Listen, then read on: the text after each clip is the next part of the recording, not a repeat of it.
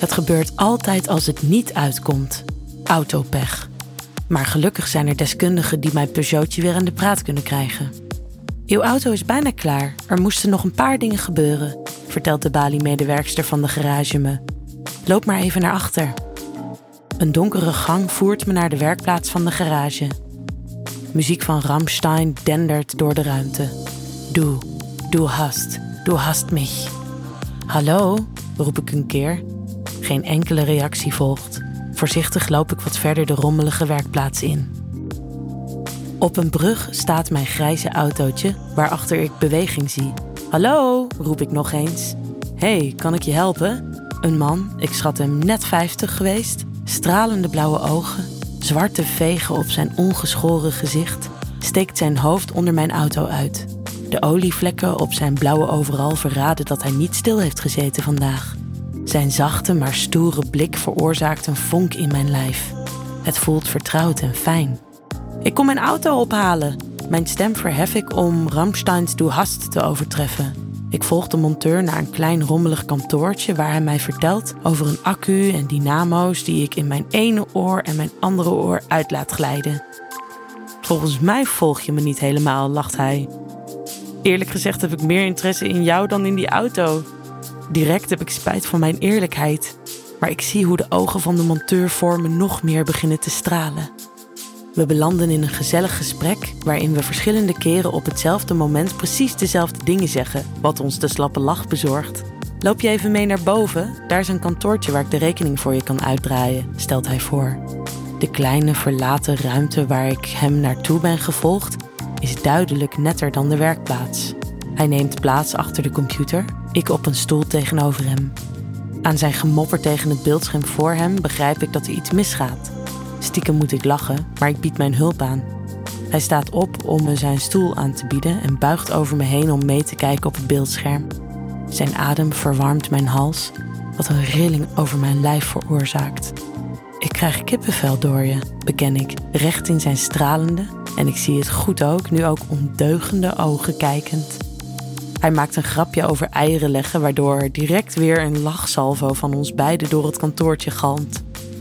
Van het ene op het andere moment zijn we beiden stil. Zijn gezicht draait naar het mijne.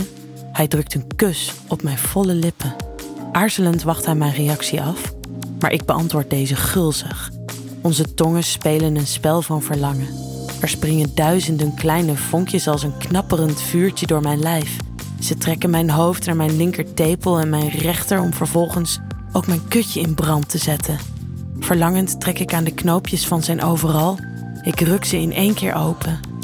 Zonder iets te zeggen trekt hij deze uit en ook zijn shirt belandt op de grond. Een heerlijk bruin gespierd lichaam komt voor de dag. Nog steeds zittend op de bureaustoel verken ik met beide handen zijn bovenlijf. Zijn beide tepels knijp ik tussen duim en wijsvinger en draai er plagend aan. Hij kreunt. Ik rits zijn broek open en door de gulp heen wrijf ik over zijn zwarte bokser. Onder mijn hand voel ik zijn pik groeien. Ik zal het je makkelijker maken, zegt hij terwijl hij zijn broek openknoopt en een stukje laat zakken. Als ik zijn bokser een stukje naar beneden schuif, ontsnapt er een prachtige grote lul. Mijn linkerhand glijdt als vanzelf naar zijn ballen. Ze zijn warm en lekker glad geschoren. Ik masseer ze stevig met mijn vingers terwijl ik mijn volle lippen op zijn eikel zet. Mijn rechterhand vouwt om de stam van zijn enorme paal en zuigt hem een stukje mijn mond in. Mijn tong zoekt zijn gaatje en vormt cirkeltjes om zijn eikel. Ik druk mijn lippen stevig tegen zijn huid als ik wat verder naar beneden zak. Een kreun vult het kleine kantoortje. Ik zak wat verder over hem heen en glijd weer naar boven. Rustig herhaal ik ritmisch deze beweging terwijl mijn linkerhand het stukje huid net achter zijn ballen masseert. Je maakt me bloedgeil, kom hier, kreunt hij. Hij pakt me onder mijn oksels, tilt me op en legt me op mijn rug op het bureau. Mijn hoofd schuif ik naar de rand van de tafel en laat het erover hangen. Uitnodigend open ik mijn mond. Alsof we dit dagelijks doen, begrijpt hij wat ik wil. Voorzichtig schuift hij zijn harde lul in één keer diep in mijn keel. Rustig en ritmisch neukt hij mijn mondje. Mijn kut is nu echt on fire. Oh, wat lekker, ik wil je nu echt beffen, kreunt hij. Dit laat ik mij geen twee keer zeggen. Ik ga rechtop zitten en duw mijn broek en zwarte kanten slip uitnodigend naar beneden. Op zijn knieën gaat hij voor me zitten. Ik balanceer op het randje van de tafel. Direct raakt hij de goede plekjes. Ik heb mezelf niet meer onder controle en laat me achterover op de tafel vallen. Zijn lippen belanden afwisselend op mijn klitje, mijn schaanlippen en in mijn liezen. Elk plekje van mijn brandende kut verkent hij met zijn gulzige tong. Ik voel hoe hij een vinger naar binnen schuift en een duim tegen mijn kontje aanduwt. Mijn spieren trekken direct samen. Een kreun ontsnapt uit mijn mond. Hij laat zich er niet door afleiden en zet zijn mond op mijn gezwollen klitje.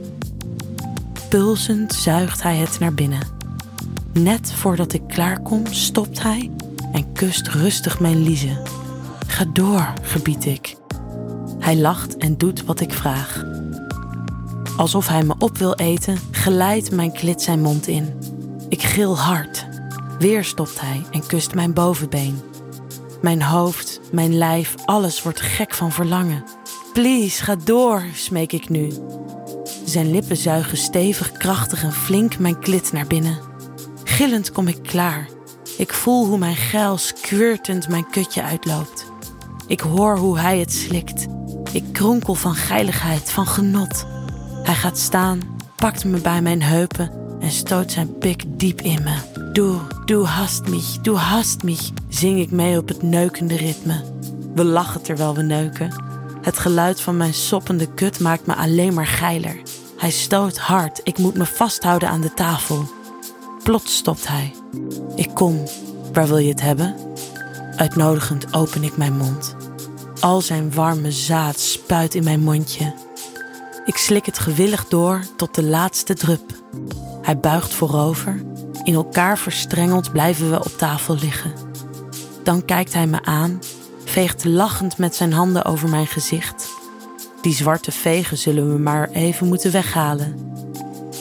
Ik geloof dat mijn auto en ik zelf ook snel weer een beurt moet, grap ik. Wil jij nou meer spannende verhalen? Luister dan naar Charlie's Avonturen, een podcast van Easy Toys.